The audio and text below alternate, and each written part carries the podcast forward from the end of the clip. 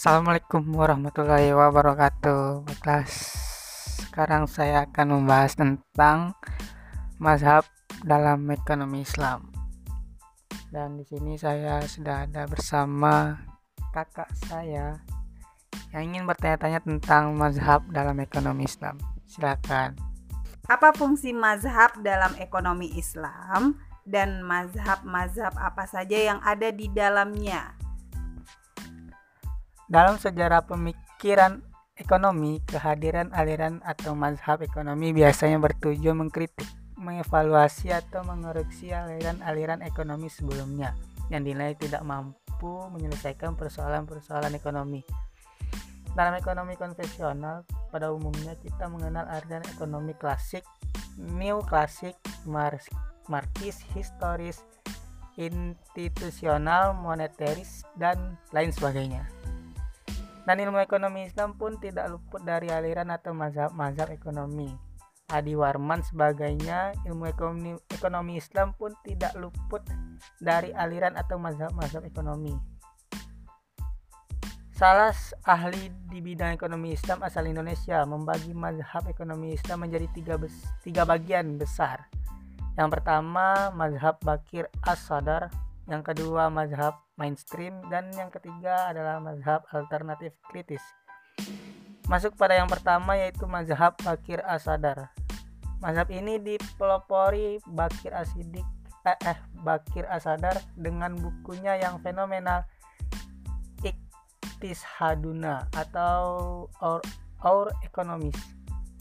Mazhab ini berpendapat ilmu ekonomi tidak pernah bisa sejalan dengan Islam Ekonomi tetap ekonomi dan Islam pun tetap Islam. Keduanya tidak pernah dapat disatukan karena keduanya berasal dari filosofi yang kontradiktif. Yang satu anti-Islam, yang lainnya Islam menurut pandangan mereka. Perbedaan filosofi ini berdampak pada perbedaan cara pandang keduanya dalam melihat masalah ekonomi. Menurut ilmu ekonomi yang sudah kita kenal, masalah ekonomi muncul karena adanya keinginan manusia yang tidak terbatas. Sementara itu, sumber daya yang tersedia untuk memuaskan keinginan manusia jumlahnya terbatas. Mazhab Bakir menolak pernyataan ini karena menurut mereka Islam tidak mengenal adanya sumber daya yang terbatas. Dalil yang dipakai adalah Al-Quran, yang artinya sesungguhnya telah kami ciptakan segala sesuatu dalam ukuran yang setepat-tepatnya. Quran Surat Al-Qamar ayat 49 Dengan demikian karena segala ses dengan segala sesuatunya sudah diukur dengan sempurna. Sebenarnya Allah telah memberikan sumber daya yang cukup bagi seluruh manusia di dunia. Pendapat bahwa keinginan manusia tidak keinginan manusia itu tidak terbatas juga ditolak. Contoh, manusia akan berhenti minum jika dahaganya sudah terpuaskan. Oleh karena itu, mazhab ini berkesimpulan bahwa keinginan yang tidak terbatas itu tidak benar sebab pada kenyataan keinginan manusia terbatas. Dan selain itu, semua teori yang dikembangkan oleh ilmu ekonomi konvensional ditolak dan dibuang sebagai gantinya. Mazhab ini berusaha menyusun teori-teori baru dalam ekonomi yang langsung digali dan diredukasi dari Al-Quran dan As-Sunnah. Meskipun kita belum melihat hasil pengembangan teori ekonomi yang digali dari wahyu tersebut.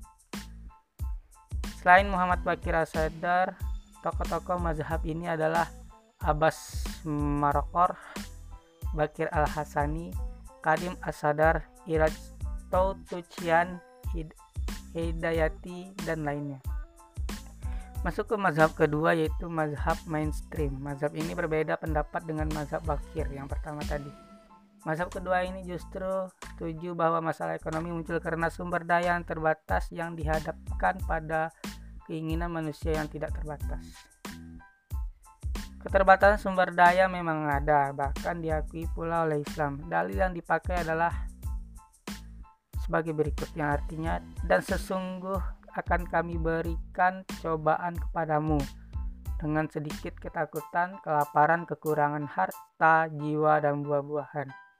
Dan berikanlah berita gembira kepada orang-orang yang sabar. Quran surat Al-Baqarah ayat 155. Sedangkan keinginan manusia yang tidak terbatas dianggap sebagai hal alamiah. Dalilnya yang artinya bermegah bermegah-megahan telah melalaikan kamu sampai kamu masuk ke dalam kubur. Janganlah begitu, kelak kamu akan mengetahuinya akibat perbuatanmu itu. Quran surat Al-Takasur ayat 1 sampai 3. Dan sabda Nabi Muhammad SAW bahwa manusia tidak akan pernah puas bila diberikan emas satu lembah, ia akan meminta emas dua lembah. Bila diberikan dua lembah, ia akan minta tiga lembah dan begitu seterusnya sampai ia masuk kubur. Begitulah manusia. Pandangan mazhab ini tentang masalah ekonomi hampir tidak ada bedanya dengan pandangan ekonomi konvensional. Kelangkaan sumber daya lah yang menjadi penyebab muncul masalah ekonomi. Perbedaan mazhab mainstream dengan ekonomi konvensional terletak pada cara menyelesaikan masalah tersebut. Tokoh-tokoh mazhab ini di antaranya Muhammad Umar Kapra, M.A.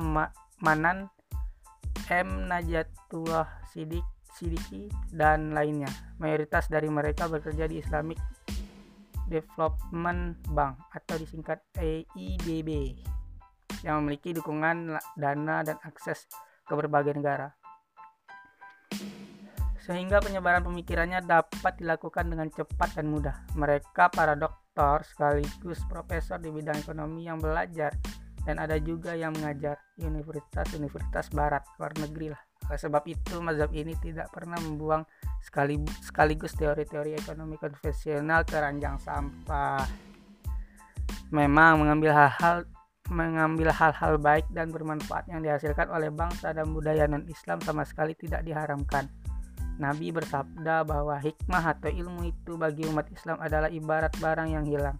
Di mana saja ditemukan, maka umat Islamlah yang paling berhak mengambilnya.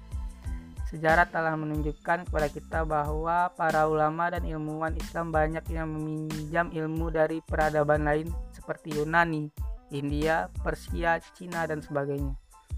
Pendekatan yang bermanfaat atau sesuai dengan Islam diambil, yang tidak bermanfaat tentu tidak diambil, soalnya itu bertentangan dengan ajaran Islam sendiri. Masuk ke mazhab yang ketiga yaitu mazhab alternatif kritis. Pelopor mazhab ini adalah Timur Quran atau Ketua Jurusan Ekonomi University of Southern California. Jono dari Yale, Cambridge, Harvard, Malaya, Muhammad Arif, dan lain-lain sebagainya. Mazhab ini mengkritik mazhab sebelumnya. Mazhab Bakir dikritik sebagai mazhab yang berusaha menemukan hal yang baru sebenarnya sudah ditemukan oleh orang lain dan menghancurkan teori lama kemudian menggantinya dengan teori baru. Sementara itu, mazhab mainstream dikritiknya sebagai jiplakan dari ekonomi klasik atau modern yang menghilangkan variabel riba dan memasukkan variabel zakat dan niat. Mazhab ini adalah sebuah mazhab yang kritis. Mereka berpendapat bahwa analisis kritis bukan hanya dilakukan terhadap sosialisme dan kapitalisme, tapi juga terhadap ekonomi Islam itu sendiri mereka yakin bahwa Islam pasti benar. Tetapi ekonomi Islam belum tentu benar karena ekonomi Islam adalah hasil tafsiran manusia atas Al-Quran dan As-Sunnah sebagai epistemologi ilmu ekonomi Islam. Sehingga nilai kebenarannya tidak mutlak. Proposisi dan teori yang diajukan oleh ekonomi Islam harus selalu diuji kebenarannya sebagai dilakukan terhadap ekonomi konvensional Menurut pandangan saya, praktik ekonomi Islam dengan hadirnya lembaga-lembaga keuangan syariah bisa dikatakan mengikuti mazhab mainstream. Lembaga-lembaga keuangan ada yang lebih dulu memunculkan ekonomi modern tersebut dimodifikasi sedemikian rupa agar sesuai dengan prinsip-prinsip Islam. Kalau kita sadar sejarah, metode metode eklektislah yang lebih tepat untuk mengembangkan ilmu ekonomi Islam itu. Artinya ekonomi Islam harus berkomunikasi, berdialog dan berhubungan dengan ilmu ekonomi modern yang memang sudah mapan.